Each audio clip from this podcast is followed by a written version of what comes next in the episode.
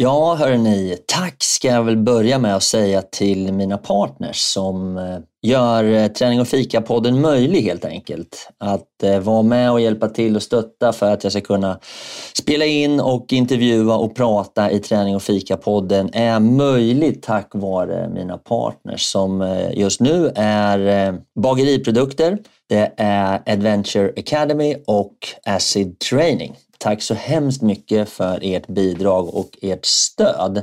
Sen kan man ju då som privatperson också gå in och stötta produktionen genom att eh, ge ett litet bidrag på till exempel Patreon. Det uppskattas väldigt mycket. Där kan du välja mellan att köpa en kaffe svart eller lägga lite mer pengar och köpa en kaffelatte och så fortsätta hela vägen upp till en riktigt härlig brunch. Så ja, tveka inte. Gå in och stötta lite. Det behövs och jag blir glad. Tack ska ni ha. Nu kör vi igång! In the market for investment-worthy bags, watches and fine jewelry, Rebag is the answer.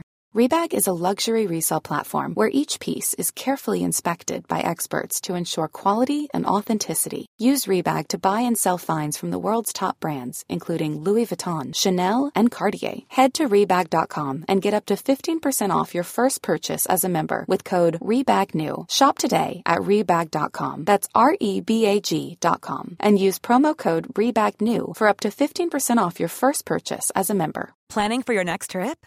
Elevate your travel style with Quince. Quince has all the jet setting essentials you'll want for your next getaway, like European linen, premium luggage options, buttery soft Italian leather bags, and so much more. And is all priced at 50 to 80% less than similar brands. Plus, Quince only works with factories that use safe and ethical manufacturing practices. Pack your bags with high-quality essentials you'll be wearing for vacations to come with Quince. Go to quince.com/pack for free shipping and 365-day returns. Hiring for your small business? If you're not looking for professionals on LinkedIn, you're looking in the wrong place. That's like looking for your car keys in a fish tank. LinkedIn helps you hire professionals you can't find anywhere else, even those who aren't actively searching for a new job but might be open to the perfect role. In a given month, over 70% of LinkedIn users don't even visit other leading job sites. So start looking in the right place. With LinkedIn, you can hire professionals like a professional. Post your free job on linkedin.com slash people today. Man tror ju då att det är så gott med en öl, men det är absolut inte. Det är ju det. Du, det är Gatorade som gäller, ser du. Gatorade. ja, i USA. Alltså vad trött man kan bli på Gatorade, de här drickorna som finns Nej, i USA. Nej, det kan man inte bli. Det alltså. finns fyra sorters ja, smaker. jag vet. Jag kan dem alla.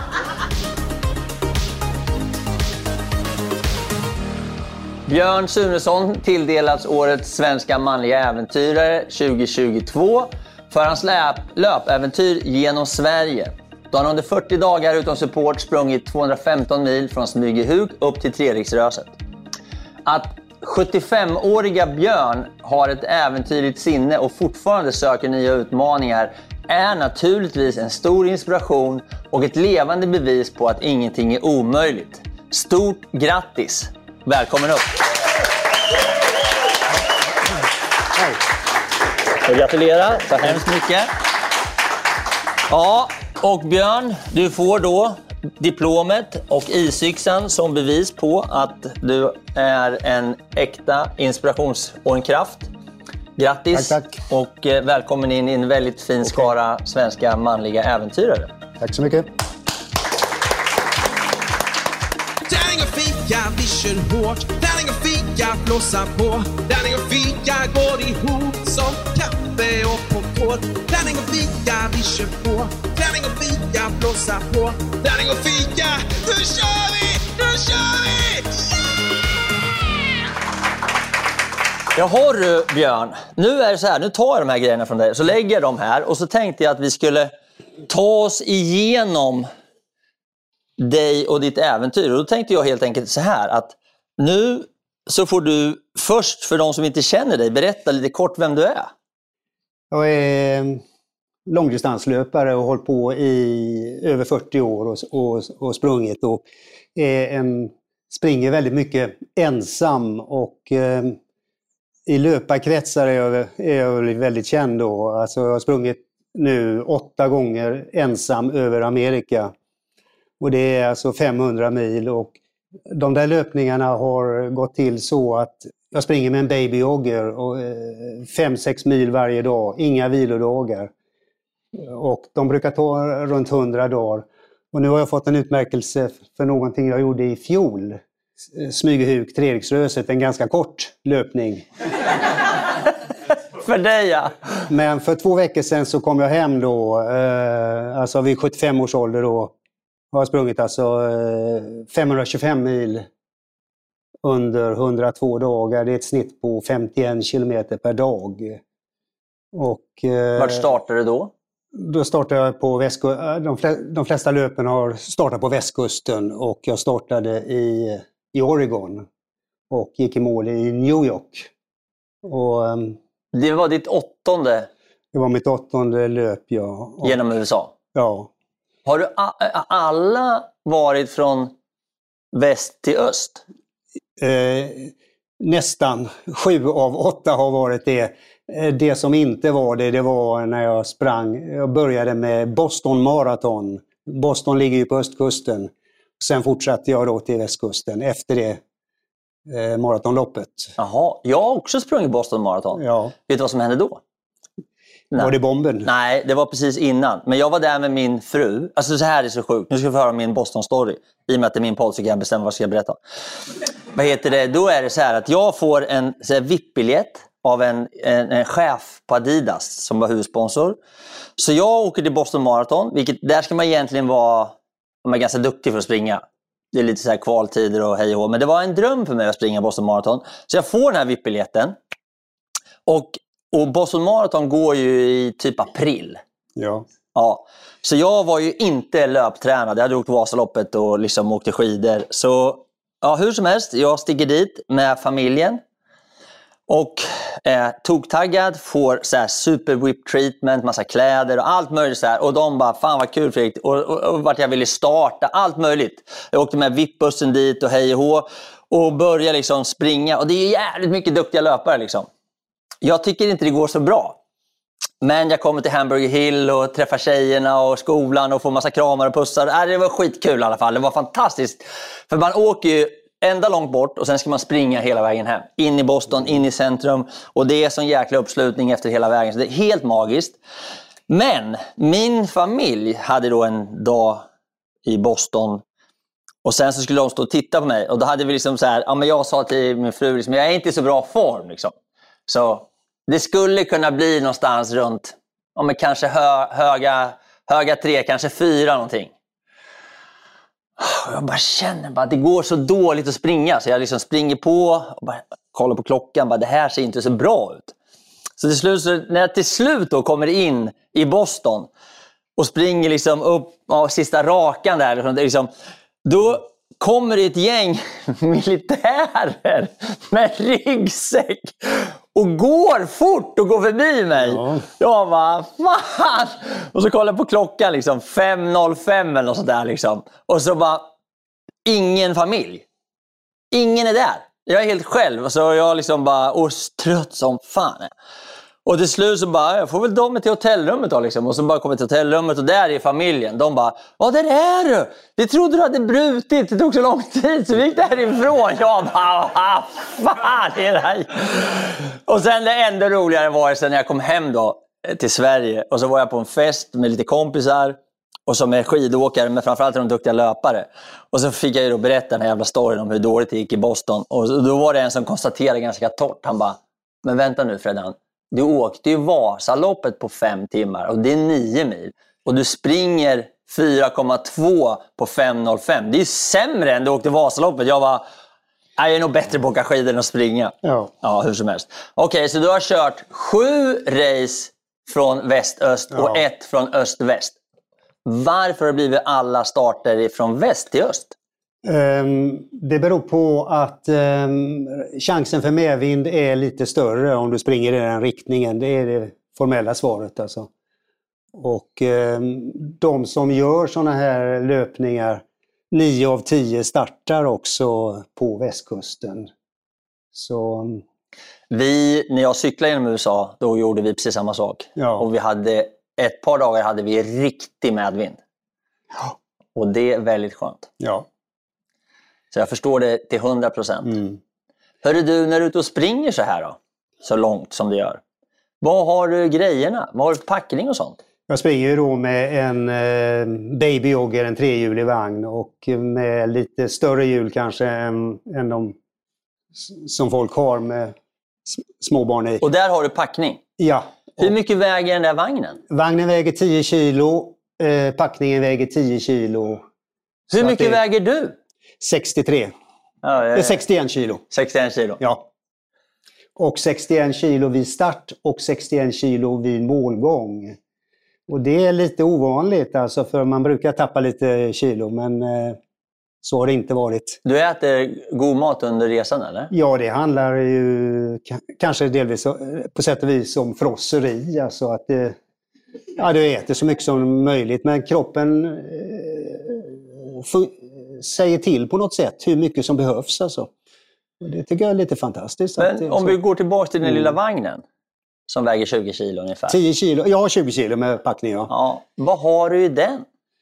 En tredjedel av vikten, jag tänkte på det just nu när jag satt här ute, är elektronikprylar alltså, som väger en jädra massa. Alltså. Bergsprängare alltså?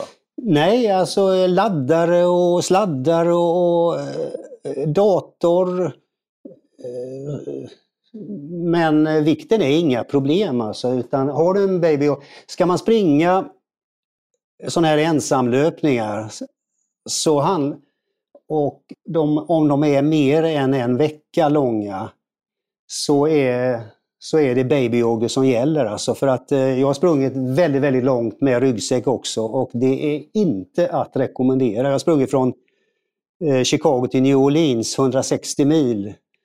Eh, och man får skavsår, alltså hur väl tränad du än är. Och då är jag oerhört tränad alltså, men det blir skavsår ändå. Så att det är jobbigt. Så det är babyjogger som gäller. Men när du sprang, du har sprungit mycket i USA, och, men du har också sprungit en hel del på andra ställen, bland annat i Sverige. Du Mm. blev utsedd till Årets äventyrare för en löpning från södra Sverige till norra. Ja. Om man jämför då lite grann med att springa i Sverige jämfört med att springa i USA och Amerika. Finns det några skillnader? Ja, det är, den stora skillnaden tycker jag är, eh, det är människorna. Hur, de, hur du blir bemött i, i, i, i Amerika jämfört med till exempel Sverige. Eh, det här löpet nu då som jag premieras för, eh, Smygehuk Treriksröset, det var inte särskilt många svenskar som brydde sig eller som jag pratade med under det löpet. Sådana är vi svenskar. Alltså vi, ingenting är märkvärdigt här. Va? Men nu vänta, vänta, vänta. Du måste bara, en kuggfråga gällande din, di, vart du sprang i Sverige. Sprang du genom Närke? Eh, inte under det löpet, nej. Ja, det var det jag visste. Du skulle Ja. ha gjort. Ja, Jävligt okej. trevligt i Närke. Ja, ja. Okej, så det är en skillnad. Vad har Ja. du fler för skillnader då? Ehm, att ehm, det är den viktigaste skillnaden alltså, vad, som håller den igång. Det, Jag menar det, att amerikaner det, står och applåderar och tycker det är fantastiskt och pratar och stannar och bjuder upp till dans. Liksom. Ja, Mm. Precis som i Närke. ja. Eh, sen är det ju, ehm, sen är det ju ehm, hotell, motellen alltså, i, i Amerika. Är, alltså det, är- det är långa, oerhört långa avstånd och det är svårt att kunna hitta logi överallt. Men alltså det finns väldigt mycket motell. Alltså.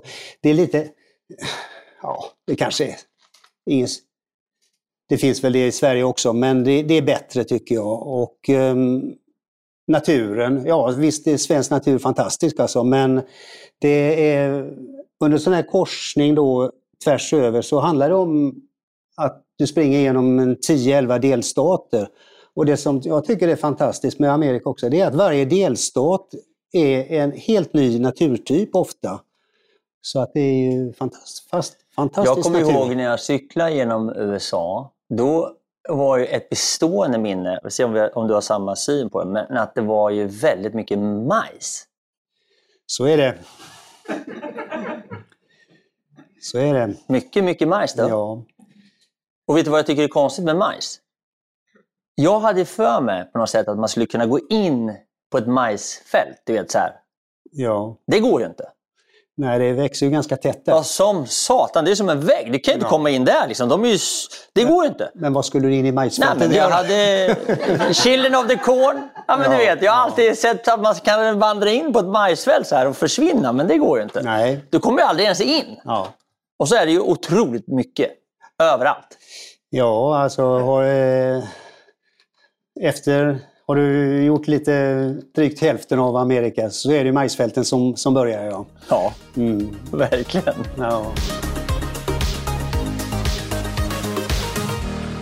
Jaha, hörru. Vad heter det? Hur känns det att bli eh, utsedd till årets svenska manliga äventyrare? Då? ja, det var väl överraskande, det får jag ju säga. Ja. Ja. Men Ja, eh, att du eh, någonstans ändå känns superrelevant för oss i juryn. Eh, oavsett vad du egentligen, om du har gjort massa saker i USA eller i Sverige så tycker vi att det är spännande med dig. Och, och en sak som är spännande det är ju att du är 75 år. Mm. Hur känns det? Jag skojar, det var inte så jag det känns, men... Nej, inget skoj alls, utan det känns väldigt bra alltså för att det är ju det som delvis håller igång mig egentligen för att eh, första USA-löpet gjorde jag vid 57 års ålder. Då hade jag ett snitt på, på 52, mil, två- 52 kilometer ungefär. Och nu då 75.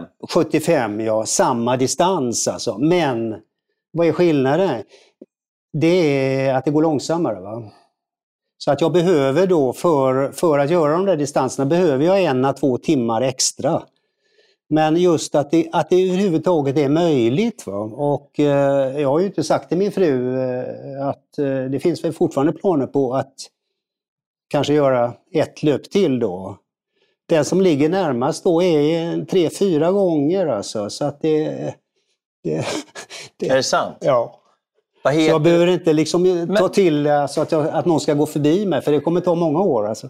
Men då är ju frågan, min fråga, det finns ju två delar i det här då. Det ena är själva den fysiska delen. Ja. Men den andra är den mentala delen. Hur, hur liksom, det är en ganska stor ansträngning. Hur laddar du mentalt för att sätta igång?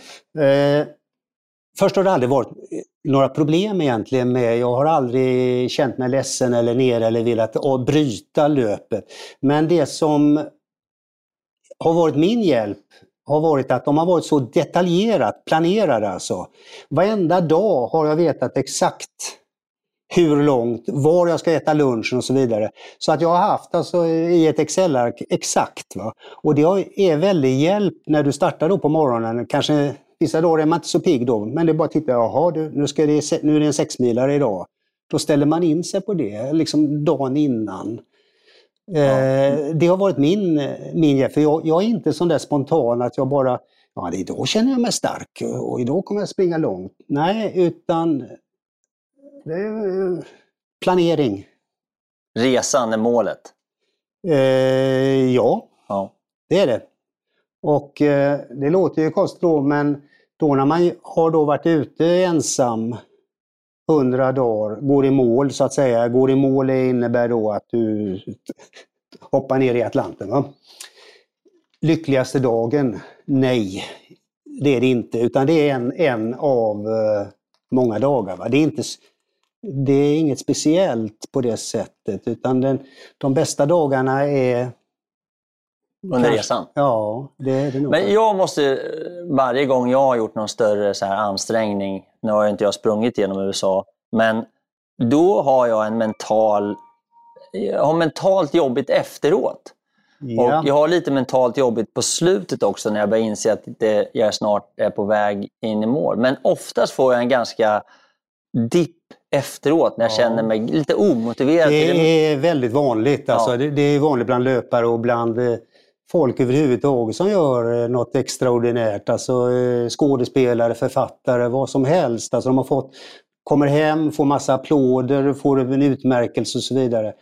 Eh, mitt knep, jag har aldrig haft några problem med detta. Alltså, aldrig, aldrig, aldrig.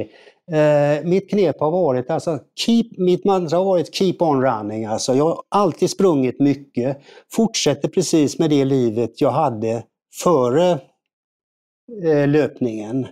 Det vill säga fortsätta att springa. Va?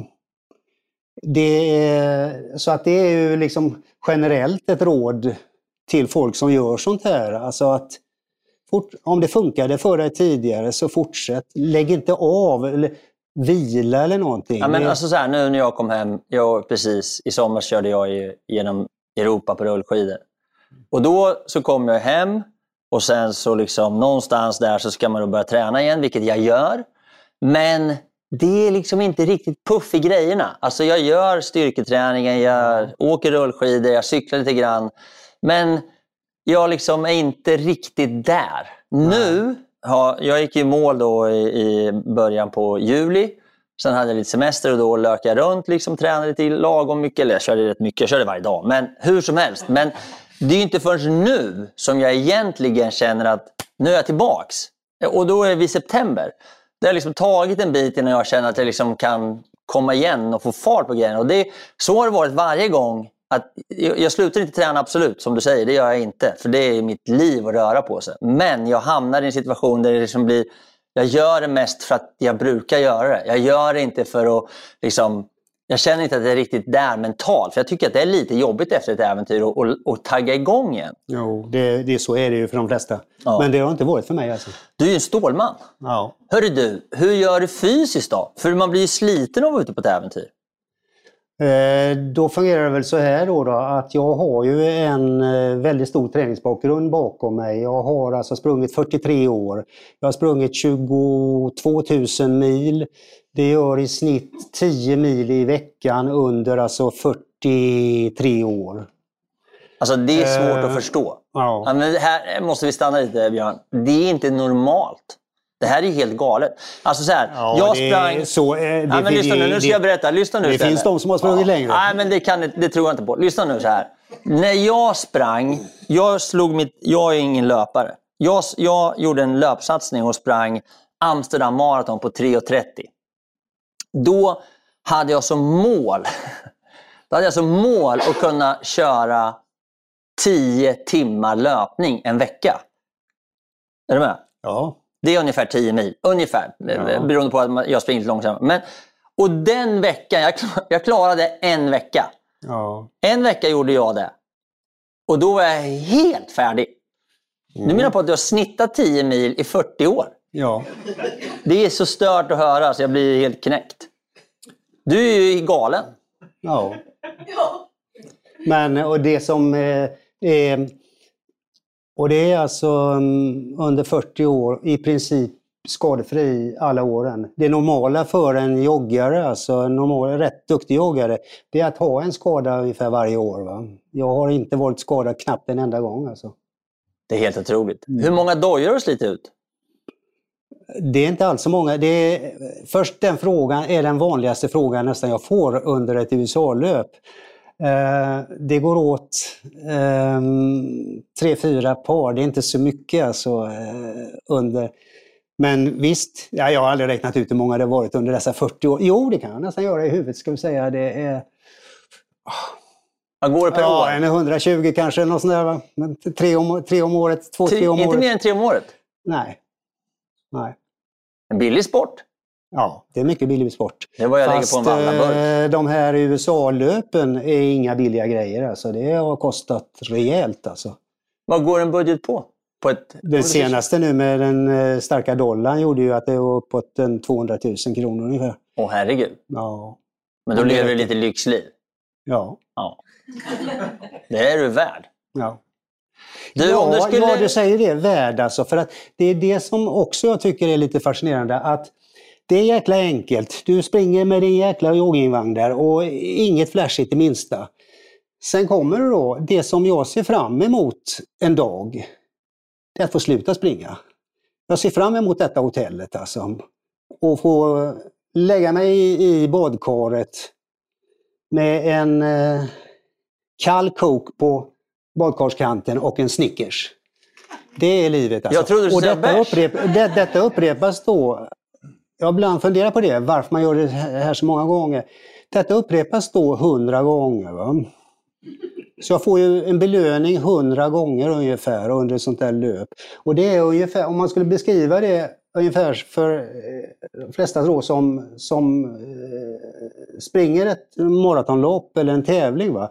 de tycker inte att det är särskilt roligt kanske under själva loppet. Men när de kommer i mål så är de väldigt nöjda. Oavsett tid eller hur det har gått. Va? Och Ja, det bygger ju på det- att någon det ska vara där och ta emot den, som det inte hände för mig. Då, men Jo, ja, du hade inte Eh. heller någon som tog emot det. så... Men det är helt otroligt, hörru du. Ja. Men du dricker aldrig öl alltså? Nej. Öl är svinbra. Nej, öl är icke svinbra. Det är det absolut den sämsta drycken du kan, kan dricka. För att först är det ju då... ehm, Alkohol. eh, ja, jag skulle bli berusad på under värmen, alltså till och med en, en vanlig öl. Men sen är det ju också då, eh, vad heter det, dehydrated, alltså... eh, Vätskedrivande. ja, precis. Ja. Men det stämmer ju inte. Jo, ja, det, jo, det tror jag Du nog. tror det? Ja. Jag har druckit någon öl någon gång och jag dricker aldrig, skulle aldrig... Det är frestande, man tror ju då att det är så gott med en öl, men det är absolut inte. Det är ju det. Du, Det är Gatorade som gäller, ser du. Gatorade. Ja, i USA. Alltså vad trött man kan bli på Gatorade, de här drickorna som finns i Nej, USA. det kan Jo, man inte bli. Det alltså. finns fyra sorters smaker. jag vet. Jag kan dem alla. Vet du vad Björn? Vi hade ju ett krismöte när vi cyklade genom USA. Mm. Ja, för att vi blev ju, gick upp i vikt allihopa. Vi käkade för mycket bullar och drack för mycket Oj. Och så, ja. ja. så vi var tvungna att liksom dra åt svångremmen på allihopa och bara säga stopp nu får vi skärpa oss lite grann. Hörru du, eh, du har alltså ett planerat, kanske då, göra ett nionde löp genom Ja, det var väl att ta i att det är planerat, men lite i bakhuvudet finns det. alltid. Ja, eh, det, det gör det ju. Men om du fick välja, det är USA du väljer att springa. Ja, det är det faktiskt. Varför då? Det är, det, du ställde frågan förut också, men det är just människorna alltså. Att, eh, hur du blir bemött. Det är... Folk sticker till en dollarsedlar. All, de gör allt för att det ska gå bra för mig alltså. Och jag tror att det är lite är också det deras dåliga samvete. För att Amerika är en nation där liksom på hälsoområdet går det utför. Alltså, det är ju, eh, folk blir allt tjockare. Och då ser de mig då, tror jag, tror det är lite så, att de ser mig som någon slags, ja det, herregud en gammal gubbe, 75 år, då kanske det finns hopp för mig också va? Jag tror att det kan vara så. Så att det är väldigt bra bemötande man får alltså. Ja. Det är härligt. Ja, det är verkligen härligt. Det är verkligen härligt. Och jag kan väl säga det då att under dessa åtta löp, det handlar ju då om 800 dagar, jag har nog aldrig träffat någon som har sagt ett taskigt ord. Det är skönt. Ja, De är väldigt positiva. väldigt positivt. Väldigt positiva, det ska jag säga. Ja. Vi, eh, när vi cyklade genom USA så var det också bara, bara positivt. Alla hejade, alla vill hjälpa till. Men det ska jag säga faktiskt, även om inte du upplevde samma sak, men jag hade ju en förutsatt, förutfattad mening egentligen när jag åkte rullskidor genom Sverige. Att det skulle vara skillnad på människors attityd beroende på vart jag kom. Mm. i norr och söder. Men min upplevelse var att svenskar är lika härliga i norr som i söder. De hjälper till lika mycket, de hejar lika mycket. Jag var väldigt glad och tacksam för att eh, jag, jag fick det bekräftat. Och det stärktes egentligen ännu mer nu när jag åkte rullskidor genom Europa. För då var jag lite skraj för hur det skulle vara att åka själv genom Europa på rullskidor.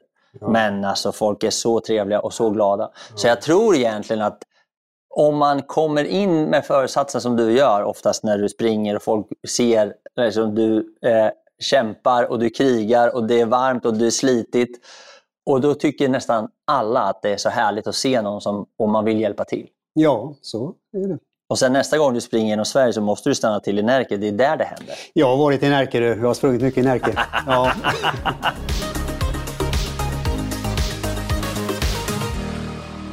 Så, då hade vi lite frågor från publiken här Björn. Är det okej om vi kör ett gäng sådana? ja, gärna. Mm. Då, eh, ja, vi tar eh, damerna först. Eh, Jag undrar, med, har du samma vagn eller har du bytt ut vagnen? Nu måste vi bara, vi är inte säkra på att det hörs. Så frågan är egentligen om du har flera olika vagnar eller om du har lyckats hålla din, din första vagn vid liv. Eh, jag har haft en ny vagn varje gång, men det är samma vagn jag rullar med eh, under ett USA-löp. Och det, mycket gäller att ha så bra utrustning som möjligt. Den ska alltså vara i toppskick. Allt ska vara i toppskick för att minsta lilla grej kan sabba det hela. Så det är tre par dojor, en vagn. Ja. Nästa fråga. Erik? Eller? Vilket, eh, vilket tempo springer vi i? Frågan var vilket tempo du springer i? Jag springer långsamt nu. Eh, ska vi se, jag håller en hastighet av 8 kilometer i timmen. Vad blir det? Det blir 7 minuters tempo ungefär. Eh, för några år sedan så var det väl 6 minuters tempo och tidigare då 5.30. Eh, och tempot, man skulle tro då att tempot är viktigt, men det spelar inte så stor roll. Det handlar om att vara igång hela tiden. För att gör man ett stopp, alltså kortare, så det tar väldigt mycket tid. Utan du ska springa hela tiden. Va? Men vadå, vadå, du kan ju inte springa hela tiden? Du måste ju stanna och dricka eller äta Ja. och så här. Ja. Jo, jo. Hur ser en dag ut? En dag ser det ut som att eh, alltid försökt att planera in ett lunchstopp mitt i, alltså efter två, två tre mil. Eh, oerhört viktigt. Och då att sitta inomhus, äta lagad mat, in, inte sitta vid någon eh, dikesren och äta. Och eh, lunchstopp på minst en timme, kanske två. Total återhämtning har det varit då. Mm. Ja, alltså, ja, jag återhämtar mig totalt varje Men du stannar inte och fikar? Jo då. Kaffe. Vad tycker du om USA? jo, jo, jo, visst. Men det är Amerikansk många stopp. kaffe? Jo, det, ja, det är lika bra som det svenska. Är du säker? Nu, numera. Ja. det är jag säker på. Jag måste få fråga hur du resonerar. Det är oftast ganska blaskigt. Nej, det Inte? håller jag, håller jag inte med om. Det är fullgott. Dricker du kaffe som är svart eller dricker du med mjölk i? Svart. Svart. Ja. Utan socker? Ja. Ja, jag visste väl att det var lite krut i det. ja.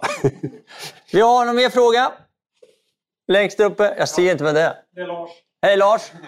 Eh, nej men, eh, hur, har du några knep för att hålla dig skadefri? Är det liksom bara mängdträning eller? Ja. Frågan Björn var, har du några knep för att hålla dig skadefri? Ja, du är ju inne helt på rätt linje. Det är mängdträning alltså och eh, under många år och inte ändra träningen alltså. Det är där- därför jag har eh, förmodligen hållit. Alltså att inte plötsligt börja eh, springa massa intervaller och sånt där. Va? För att det, då blir man skadad. Men springer, Bara löpträning? ja, eh, jag, även jag går visserligen på gym mer eller mindre varje dag. Va? Men, men det, är- det är löpträning. Ja, ja. Jag går ibland på gym typ varenda dag. Ja, nej, men så du är gymtränare och löptränare, det är det du gör? ja. Ja. det gör. Vad gör du på gymmet då? På Eh, löpbandet? Ja, det är... Det är eh, jag, hade artro, jag fick artros alltså för, eh, för drygt tio år sedan och eh, kunde då inte gå knappt alltså, i, i knä.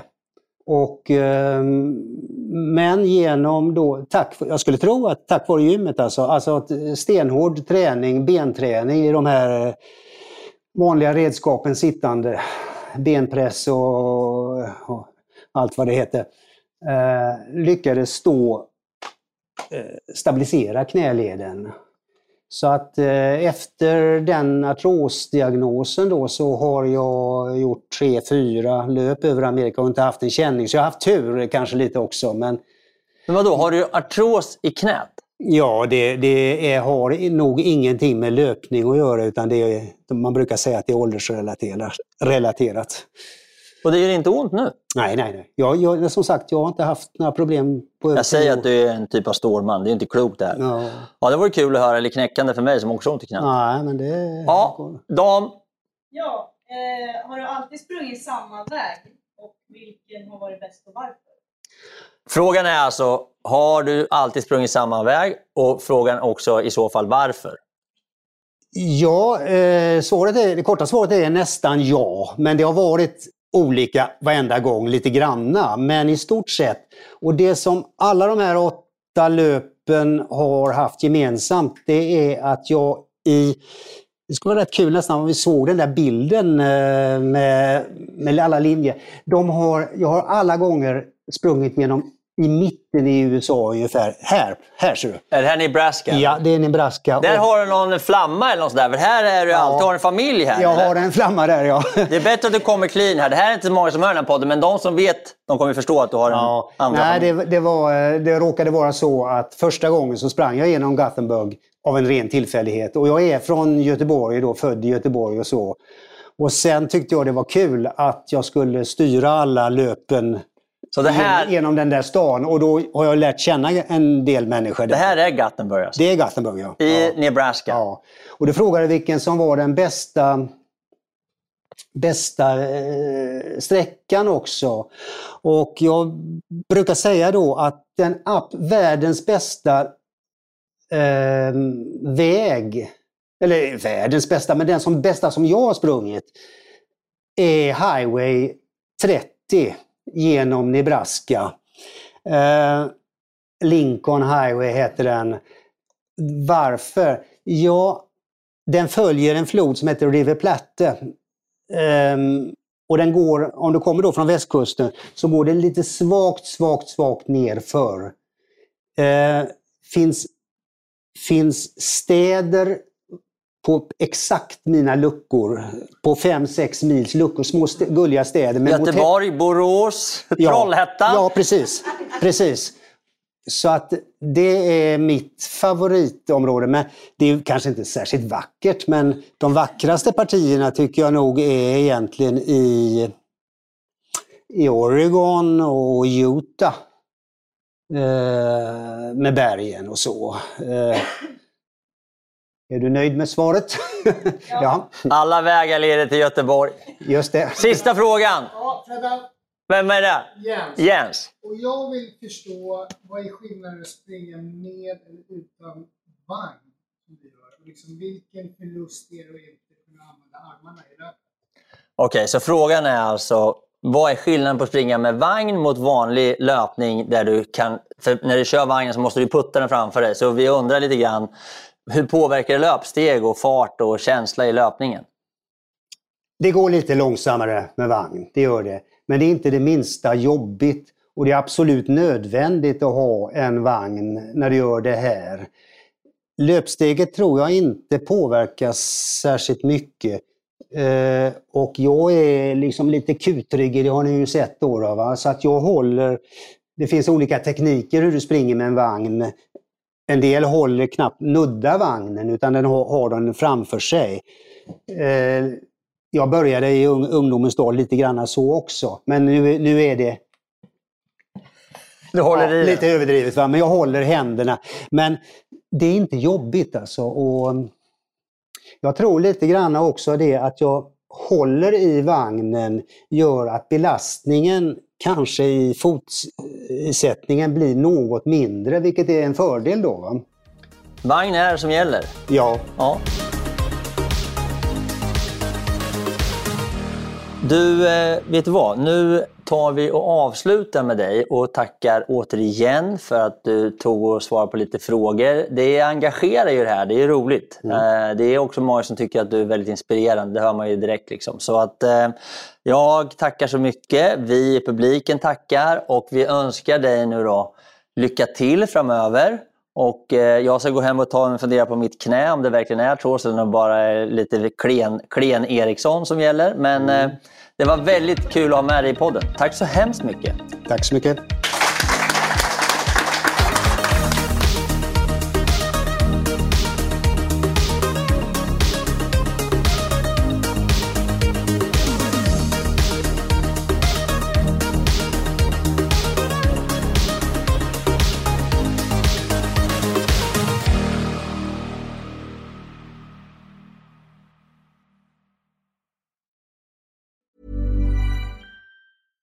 Even when we're on a budget, we still deserve nice things.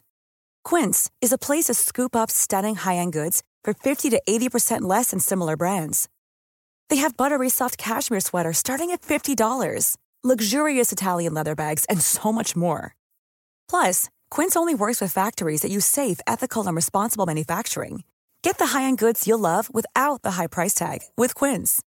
Go to quince.com slash style for free shipping and 365-day returns. Mom deserves the best, and there's no better place to shop for Mother's Day than Whole Foods Market. They're your destination for unbeatable savings, from premium gifts to show-stopping flowers and irresistible desserts. Start by saving 33% with Prime on all body care and candles. Then get a 15-stem bunch of tulips for just $9.99 each with Prime. Round out Mom's menu with festive rosé, irresistible berry chantilly cake, and more special treats. Come celebrate Mother's Day at Whole Foods Market.